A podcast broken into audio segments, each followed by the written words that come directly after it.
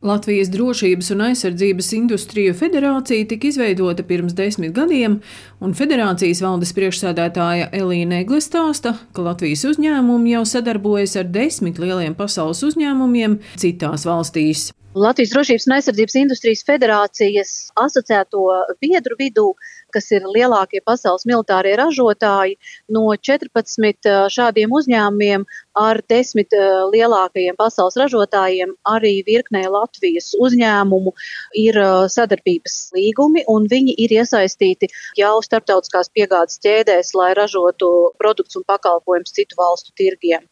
Te var minēt virkni uzņēmumu, gan kas strādā sauszemes spēku jomā, gan kas strādā jūras spēku, informācijas komunikācijas sakaru jomā.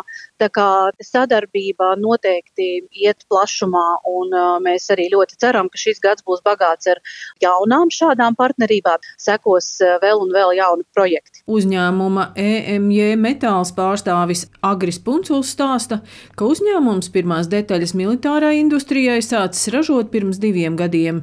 Sadarbības uzsākšana ar citu valstu ražotājiem prasījusi gan laiku, gan investīcijas - 3 miljonus eiro, jo bija nepieciešamas gan specifiskas iekārtas, gan ēkas renovācija. Aizsardzības industrija tas ir sākot no detaļām sagatavēm, kas mums jau ir kaut kur redzēts civilajā biznesā, beidzot ar metinātām gatavām konstrukcijām, gan tā saucamie parastie materiāli, gan arī bruņu tērauds, ar ko mēs strādājam. Tehniski sarežģītākais tas, ko mēs ražojam, ir bruņu mašīnu korpus.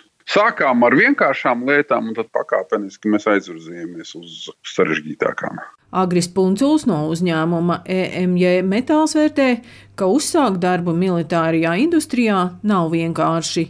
Tas nav tā, ka tur šodien es gribu ražot Tad es sākšu ražot. Viens ir partneri, kuri tev uzticās.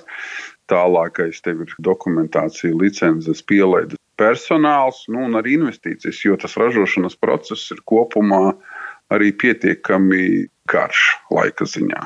Pirmām kārtām militārais sektors, viņš ir kvalitātes ziņā ir pietiekami prasīgs jo tas arī ir saistīts ar to, ka tai tehnikai jāiztur 20 līdz 30 gadi. Otra lieta uzņēmumam tas ir iespēja specifiskas kompetences attīstīt tieši uzņēmumu iekšienē. Trešā lieta kļūšana par militāro ražotāju piegādātāju, tas prasa ne tikai naudu, nu, investīcijas, ieguldījumu cilvēkos, Latvijas Drošības un aizsardzības industriju federācijas valdes priekšsādātāja Elīna Egle uzsver, ka bieži vien lielie militārie uzņēmumi ir gatavi investēt sadarbības partneros. Strādājot ar šiem lielajiem uzņēmumiem, ir jāatzīst, ka Ir arī ļoti bieži tādas situācijas, ka viņi paši ir gatavi investēt Latvijas uzņēmumos un nāk kā strateģiskie investori. Otra lieta, kas ir svarīga, ir, protams, pārvaldības kvalitāte, jo uzņēmumi ir lieli, viņu peļņas gada apgrozījums sasniedz pat 15, 16 miljārdu dolāru, un, protams, ka reputācijas riski ir viena no tiem, kas viņus ļoti ietekmē.